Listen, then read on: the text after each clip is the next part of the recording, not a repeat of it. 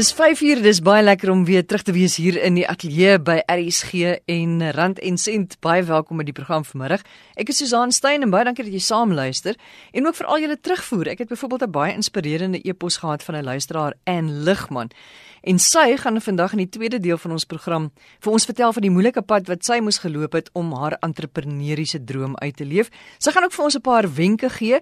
Sy is byvoorbeeld onder meer benoem of sy het 'n benoeming ontvang as 'n vrou van die jaar in die opvoedkundige of in 'n opvoedkundige hoedanigheid en sy is ook deur die Different Makers International organisasie benoem as 'n verskilmaker van 2018.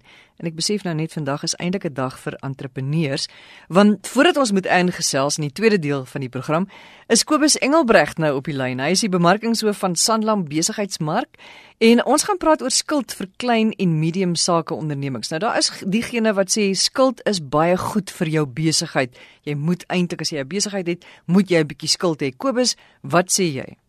Skuld op sigself is nie goed of sleg nie. Jy moet dit in konteks sien.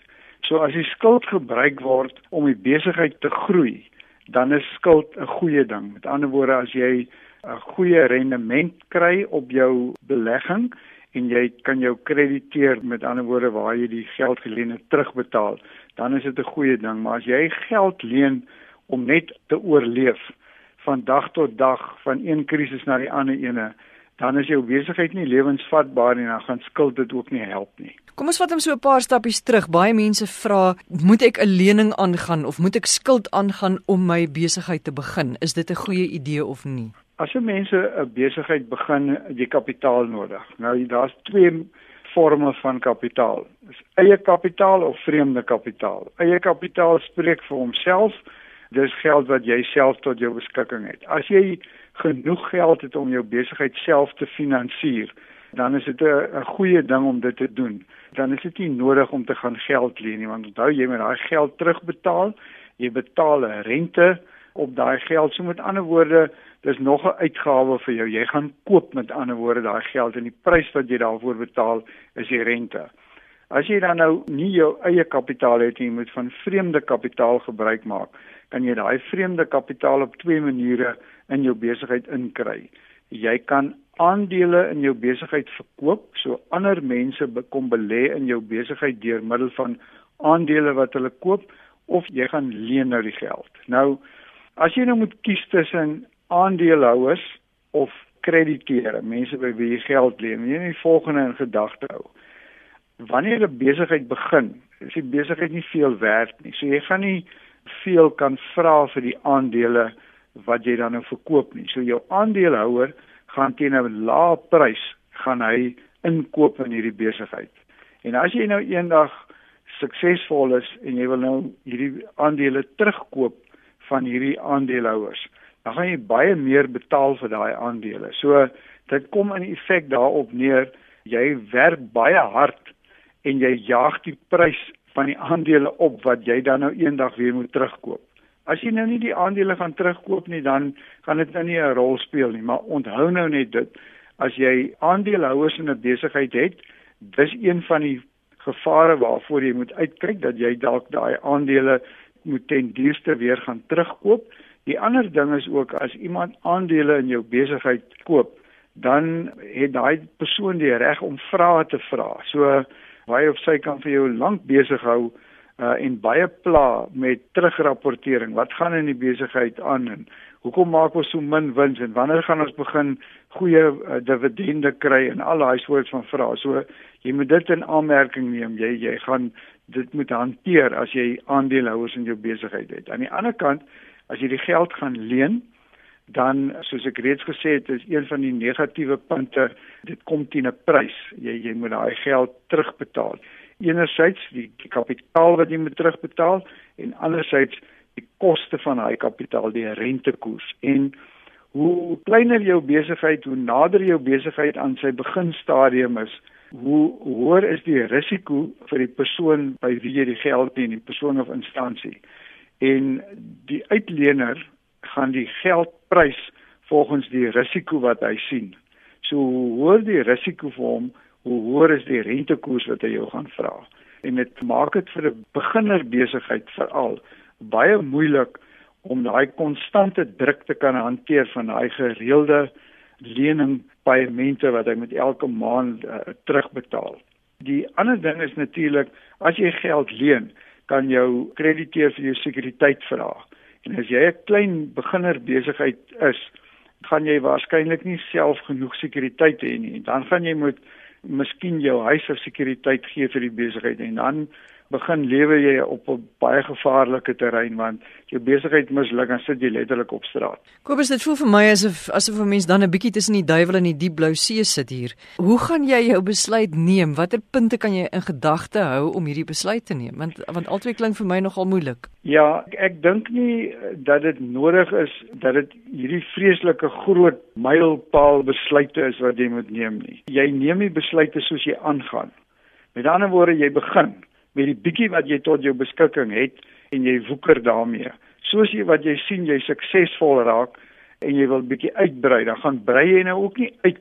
Jy gee kort trekkies. Met ander woorde, jy begin dalk in jou eie motorhuis en jou volgende stap is jy gaan hier 'n klein industriële perseel waarin jy jou besigheid nou verder uitbrei. En dan die volgende stap is jy gaan hier dalk 'n groter perseel en dan gaan koop jy dalk die volgende perseel en net so met jou masjinerie en jou toerusting ook. Jy begin met jou tweedehandse bakkie wat jy al reeds het en wat al lankal afbetaal is en wat jy kan aan die loop hou.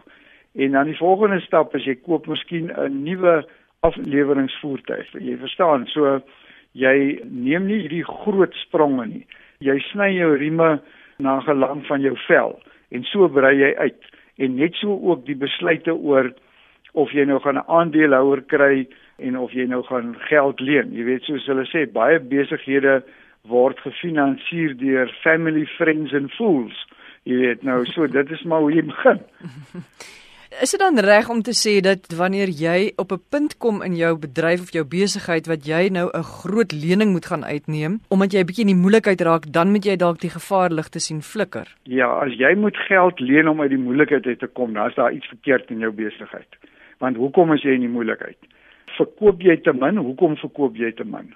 As jou prys nie reg nie, fokus jy nie op die regte teikenmark nie. Weet jy wie jou teikenmark is? Onthou vir party besighede is enige iemand wat iets wil koop is, is sy teikenmark. Dis nie hoe dit behoort te wees nie. Jy moet baie goed weet hoe lyk jou kliënt? Wie wie is jou kliënt?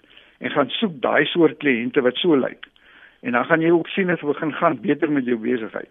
So um, as jy moet geld leen om uit die moeilikheid uit te kom, moet jy ook onthou die instansie of die persoon wat jy die geld gaan leen, gaan ook hierdie vrae vra. Hy wil gaan wil weet hoekom is jy in die moeilikheid? Wanneer is 'n lening die regte ding om te doen? Wanneer daai geld wat jy gaan leen, jou gaan in staat stel om jou besigheid na die volgende vlak te neem. Kom ons sê jy's in 'n vervaardigingsbesigheid.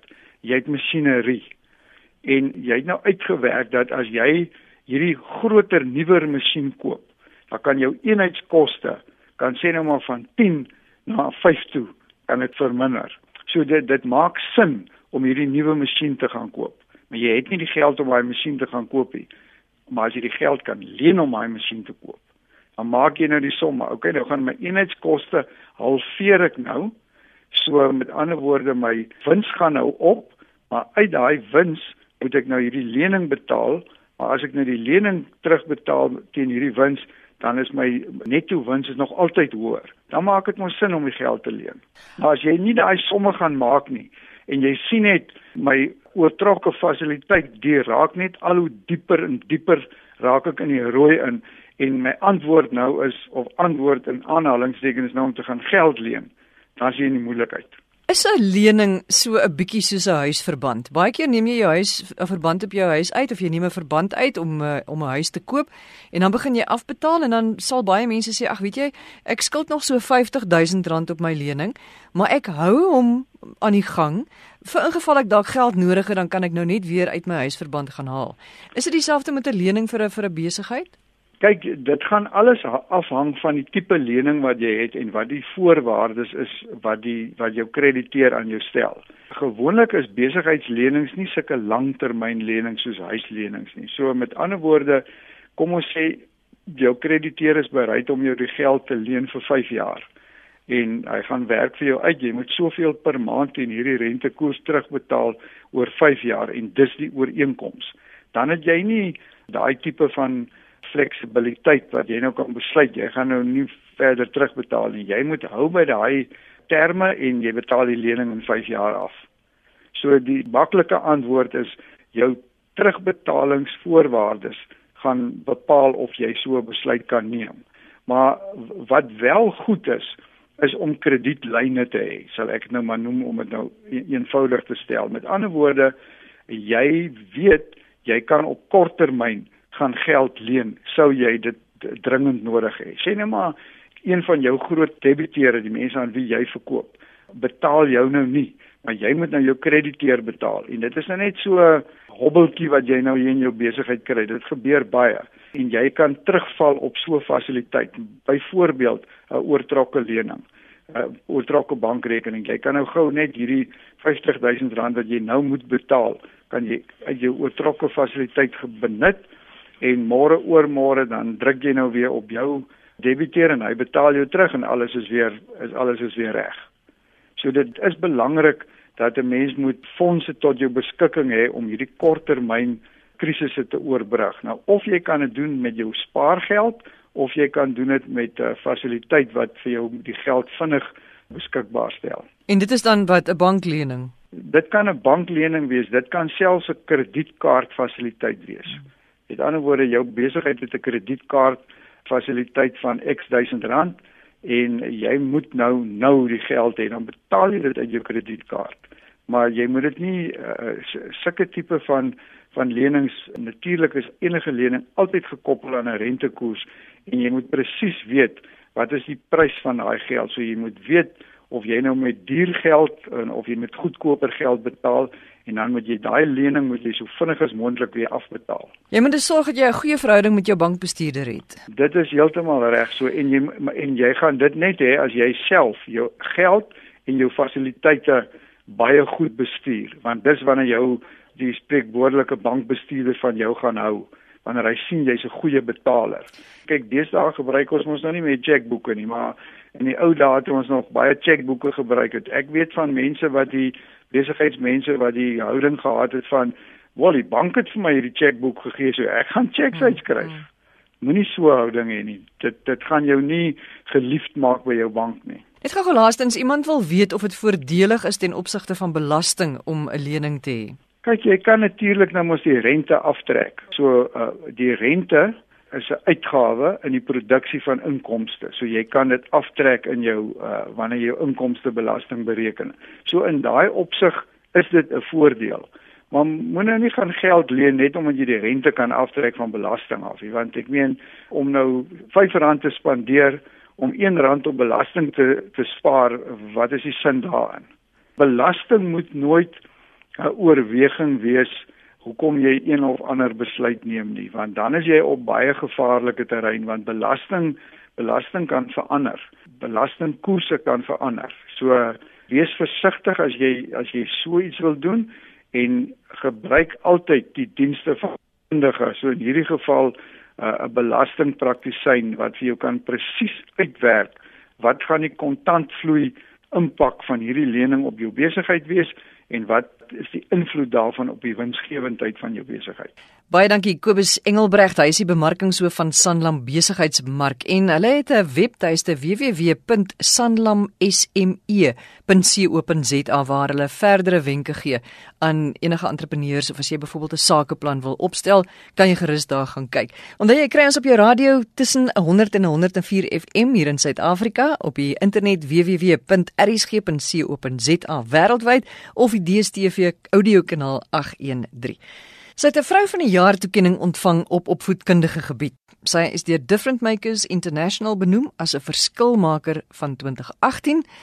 En Ann Ligman is die stigter-direkteur van Popback Beperk en die Iona Foundation. Dis 'n platform wat help omsien na die breër entrepreneur familie se behoeftes.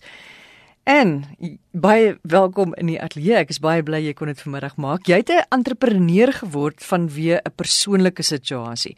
Hoe moeilik was dit vir jou?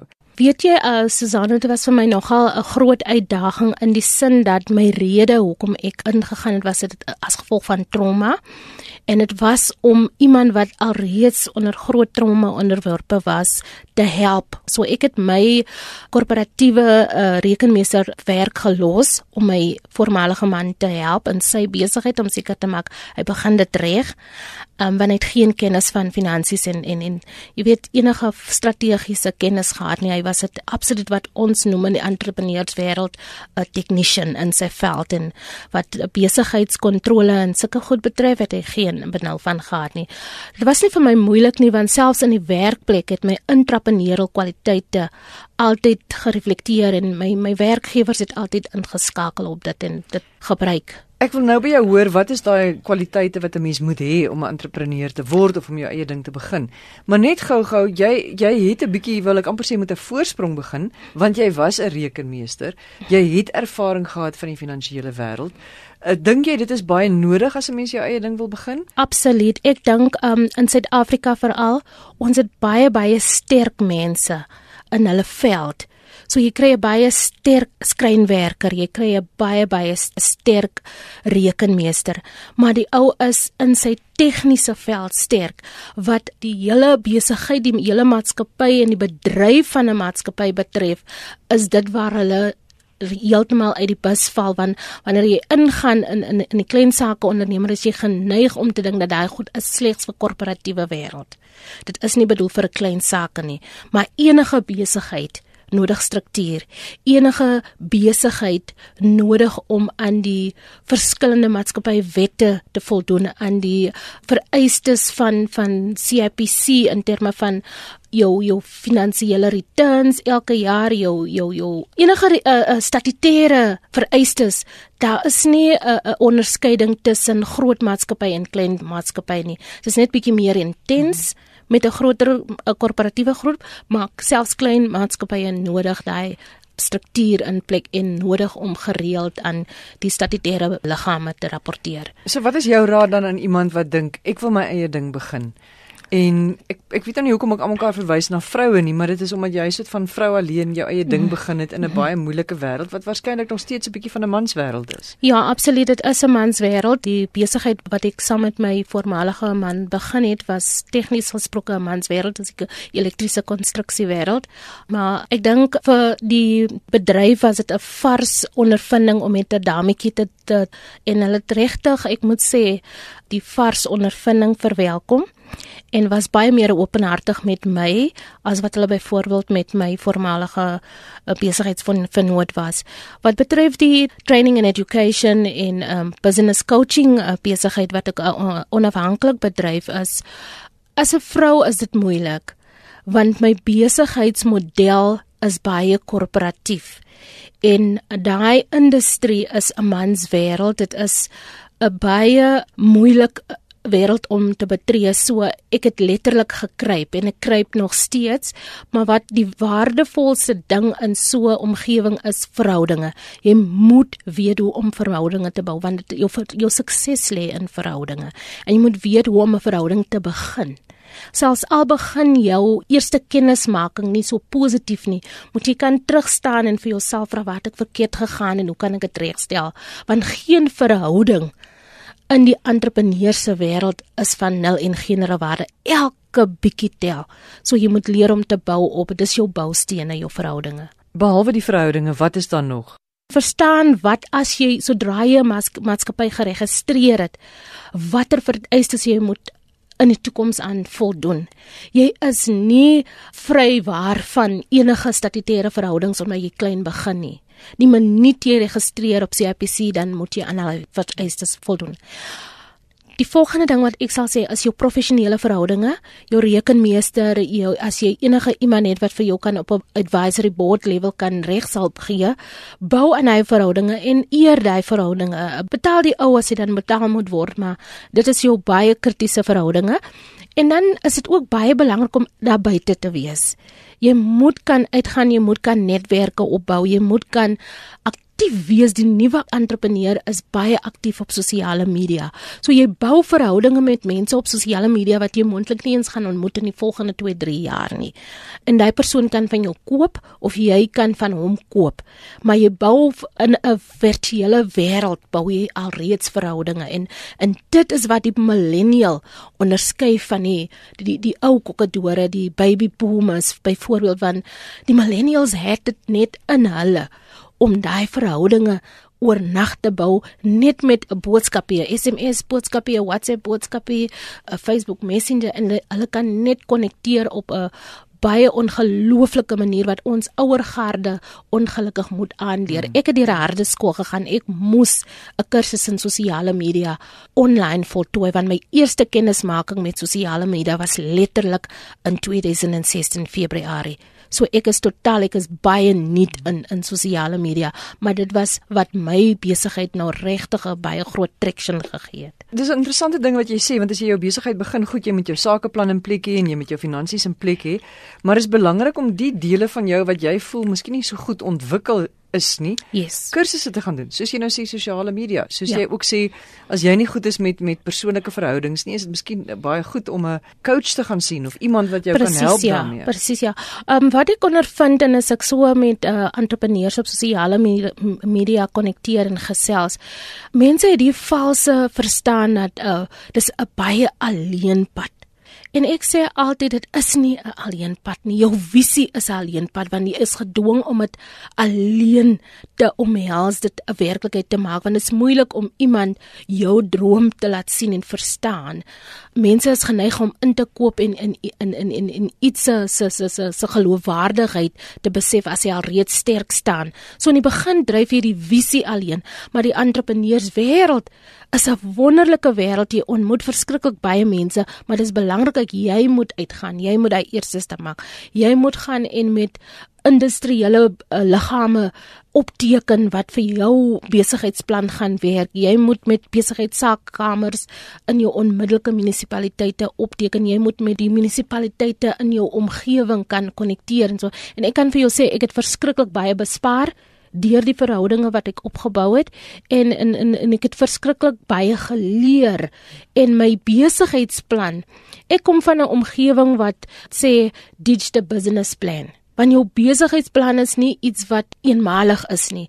Dis 'n elke dag ontwikkelende hmm. dokument. So jy leef hom. Ja, is 'n ja. baie dinamiese ding, maar mense is geneig om te dink dis iets wat jy gou-gou kan koop van 'n konsultant af, dis iets wat jy gou-gou van die internet af kan trek en kan polish nie. Nee, dis jy. Die verskil van 'n entrepreneur en 'n gevestigde korporatiewe uh uh en as jy kyk na Mark Zuckerberg en en, en daai ouens is die feit dat die brand is hy. As mense die woord maak hoor dan sê hulle Facebook. Mm -hmm. so jy kan jouself nie as entrepreneur van jou brand diferensieer nie. Soos hulle in Engels sal sê embedded in that brand. Mm -hmm. they live that brand and that is most critical. Dink jy 'n entrepreneur kan gemaak word of is dit iemand wat gebore word? Weet jy wat? Jy mag die kwaliteite hê, jy mag gebore is met dit, maar ek dink ook jou omgewing kan dit ook in jou opbou. En dit is iets wat jy ook kan aanleer. Dit vra groot groot mate van dissipline. Jy moet jouself oopstel, jy moet jouself ontvanklik maak vir pyn, vir lyding, vir harde lesse. So ek dink dit is 'n mindset ding, soos die Engelsman sal sê, dis 'n mindset ding, maar onder ons brand byvoorbeeld werk ons baie met mindset changes. So dis vir ons baie belangrik. Dis die eerste ding waar ons werk. Ons werk met die individu ons kry sy mindset reg. Want as die mindset reg is, kan jy letterlik van enigiets 'n sukses maak in die lewe. So ja, dit is goed as jy gebore is met sekere kwaliteite, maar dis iets wat baie maklik aangeleer kan word. Wat is vir jou die moeilikste, die ergste, die swaarste van entrepreneur wees? Ek dink vir my is um my groei. Daar's twee dinge. Jy moet dit of intrek en jouself 'n bietjie terughou en verstaan dat jy nie nou kan uh, uh, spring vir 'n geleentheid nie. Daar's baie kere wat jy moet sê nee, ek het nie die kapasiteit nou nie en waar jy nie toelaat dat inhaligheid of geld vir jou die grootste aantrekking krag is nie. Jy moet die visie hê en, en jy moet weet waarheen vat jy die animal wat jy mee besig is. So baie kere gaan jy moet nee sê. En dit is baie moeilik vir mense om nee te sê vir geld. En wat is vir jou die lekkerste ding, daai ding wat jou soggens laat vlieg uit die bed uit? Oh, dit is om my passie te lewe. Ek dink dit is absoluut om te doen dit wat ek ek hou daarvan om kennis oor te dra. Ek hou daarvan om mense te bemagtig en in in die geleenthede in Suid-Afrika en in Afrika self is so fenomenaal dat dit hou jou elke dag besig. Elke dag is 'n leerproses. Elke dag ontdek jy nuwe dinge en elke dag moet jy jouself sê stadig stadig jou beurt gaan kom werk nou maar eers aan die klein vlakkie en dan vat jy môre trappie hoër en 'n trappie hoër en 'n trappie hoër. En soms voel dit vir jou asof jy geen erkenning kry nie.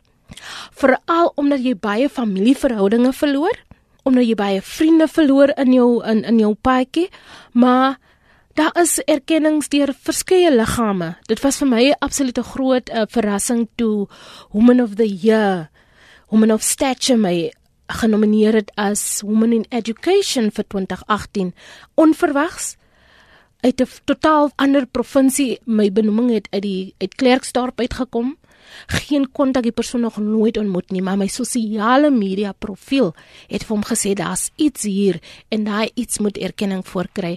Dan is dit die globale brand is uh, die difference makers platform. Vir my was dit ook die eerste ding toe hulle my nader is vir my om te vra Nou wie die hel is dit nou weer? Waar kry die mense tyd vir die erkenning? So wanneer jou erkenning dan kom, is dit absoluut so groot skok omdat jy so gewoon was jy verloor verhoudinge en intieme verhoudinge dat as jou erkenning kom dan kom ek amper soos 'n ontploffing en jy dit vang jou onkant. En dit is wonderlik lekker om met jou te gesels. Baie dankie dat jy ingekom het. dankie as Susan vir die uitnodiging. Ek waardeer dit. Dankie. En dit is Anne Ligman, sy is die stigter-direkteur van Pullback Beperk en die Iona Foundation is 'n platform wat help omsien na die breër entrepreneur familie se behoeftes. Baie dankie vir die saamluister. Onthou die e-posadres susan@rsg.co.za as jy vir my e-pos wil stuur, S U Z A A N rsg.co.za en jy kan weer na enige van ons gesprekke gaan luister in potgooi formaat by www.rsg.co.za. Baie dankie vir die saamluister. Ons doen dit volgende Sondagmiddag 5uur weer. Totsiens.